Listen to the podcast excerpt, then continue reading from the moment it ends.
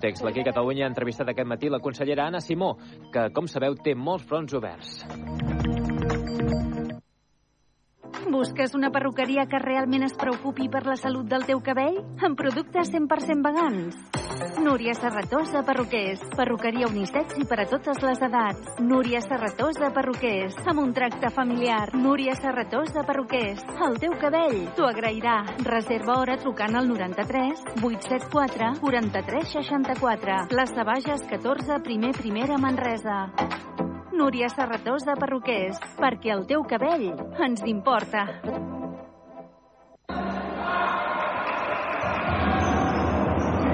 Aquest dissabte torna la Lliga de Futbol Sala a segona divisió B i ho fem amb el Covisa Manresa Natació Sabadell. Els manresans necessiten continuar a la segona plaça i els sabadellencs enganxar-se a la zona del play-off. Dissabte al Pujolet, a dos quarts de set de la tarda, Covisa Natació. El play-off continua en joc. Vine a viure la segona B. Hora 14. Catalunya Central. Eli Pagant.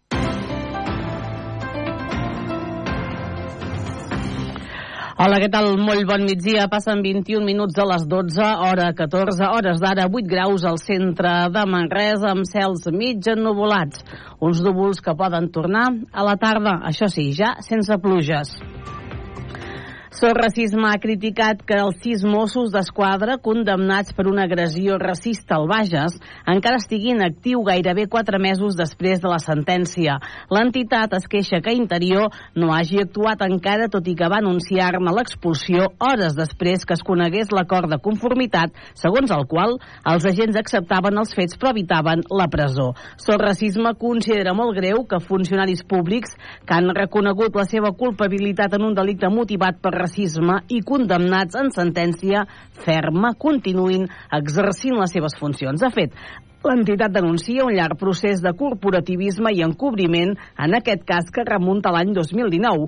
Segons el racisme, el cos de Mossos d'Esquadra va impedir el correcte desenvolupament de la recerca judicial durant més d'un any i mig i va promoure l'encobriment dels fets. Així i tot, a quatre mesos de la sentència ferma, l'expulsió dels sis agents condemnats per tortura i agressió racista no s'ha portat a terme. El bus urbà de Manresa assoleix el 2023 el rècord absolut de viatgers en un any, quasi 3 milions d'usuaris. El bus urbà de Manresa ha trencat aquest 2023 tots els rècords de viatgers assolits fins ara i ha transportat en un any 2.878.647 passatgers. Mai abans havien estat tantes persones. A més a més, l'augment respecte de l'any passat ha estat molt significatiu. L'increment és del 33%, amb un total de 709.959 usuaris més que el 2022.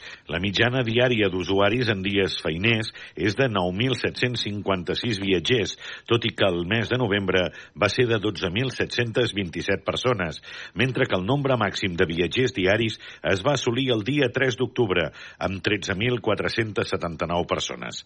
L'increment de viatgers s'ha produït en totes les línies, amb més d'un 30% en cadascuna d'elles, però les que més han crescut han estat les de festius, la L6 i la L7, amb un 51%, i la L5, Sant Pau Viladordis, amb un 47%. A nivell absolut, la línia que ha crescut més ha estat la L8 perimetral, que ja supera el milió de viatgers, amb 1.091.058 passatgers totals, el que vol dir el 35% més respecte a l'any anterior. Dades que han estat molt ben valorades per part de l'Ajuntament de Manresa, subratllant que són fruit de la voluntat del govern local de fer de la capital del Bages una ciutat cada cop més sostenible. Són 710.000 usuaris més de bus en un sol any. Uh, no podem uh, més que estar satisfets d'aquest bon servei, d'aquest gran nombre d'usuaris, um, d'un servei que ens ajuda a ser una ciutat més sostenible i de fet a l'anterior uh, mandat vam tenir molt clar des del govern que havíem de fer una aposta molt decidida a l'autobús uh, i ho vam fer amb molts, moltes direccions diferents. També s'ha recordat l'aposta de l'Ajuntament per adherir-se a les bonificacions al transport públic del govern estatal per fer front a la inflació, que han permès aplicar rebaixes temporals de fins al 50%. El 30% el posa l'Estat i el 20% l'Ajuntament. Per aquest 2024 es continuarà aplicant la rebaixa del 50%, malgrat que el cost augmentarà per l'actualització de preus, que feia 3 anys que es mantenien congelats. Així, la T10 passarà a costar 6,05 euros, un euro i mig més que fins ara i 3,05 més barata que a principis del 2022, mentre que la T més passarà a costar 17,05 euros, 1,05 euros més que fins ara, però 14,95 menys que a principis del 2022. Ens anem a la comarca del Solsonès i ens anem a Torà, i és que aquest municipi té problemes d'aigua des de l'estiu. Una part de la població de Torà fa mesos que té problemes amb el subministrament d'aigua i amb la sequera actual. El problema s'agreuja.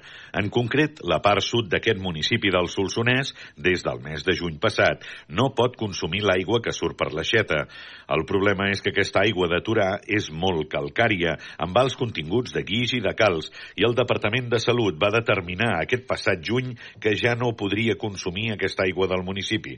A més, la sequera també ha propiciat que els fosfats siguin més alts. Bueno, aquí Torà, eh, per veure, o sigui, per l'aigua de boca s'hauria de, de beure embotellada. Eh, clar, tenim un problema de potabilitat. Eh, tenim l'aigua que hem tingut sempre L'únic que des de Sanitat han canviat els paràmetres, han canviat la normativa i, lògicament, ara nosaltres ens passem, eh, anem molt elevats amb, amb fosfats. Torà s'abasteix d'uns pous propis que ara ja no són potables.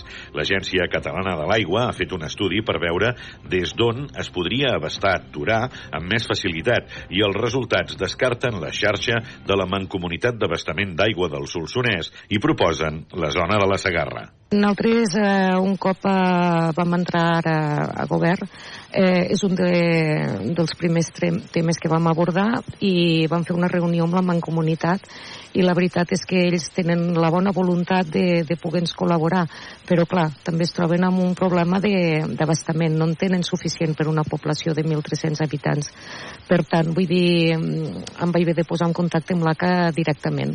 Eh, llavors, l'ACA, eh, els estudis que, que ha arribat a fer, doncs eh, ha parlat amb Mancomunitat i Consell Comarcal de la Segarra i realment on ens poden abastar amb més facilitat és des de la banda de, de Guisona.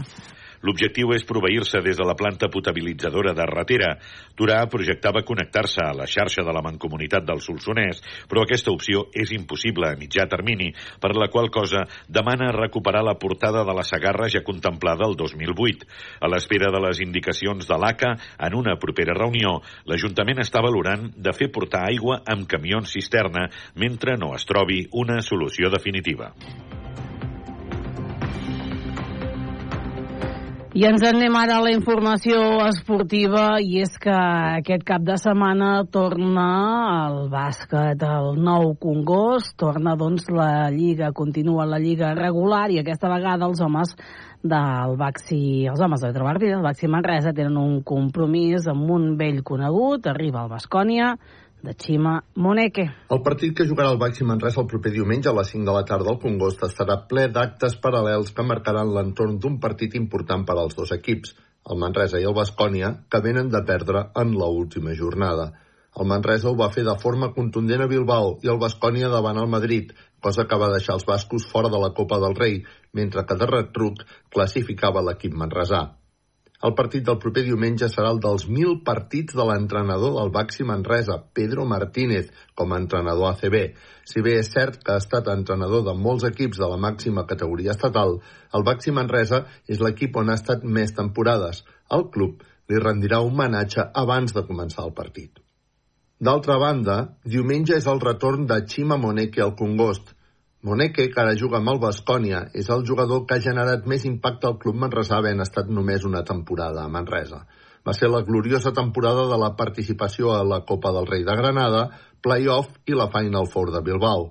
Moneke va tenir una relació molt especial amb el públic del Congost. De fet, en el partit d'anada Vitoria, Xima es va presentar al Buesa amb una samarreta amb l'escut de l'equip manresà. To me, it's, it's kind of crazy. how much love that I've received from my one season there. Per mi és una um, bogeria tot l'amor que vaig rebre en una temporada. He estat parlant amb els meus antics companys i m'expliquen que l'afició encara em té molta estima. Just because I was there for one season, but amazing. I love it. I love it. I love it.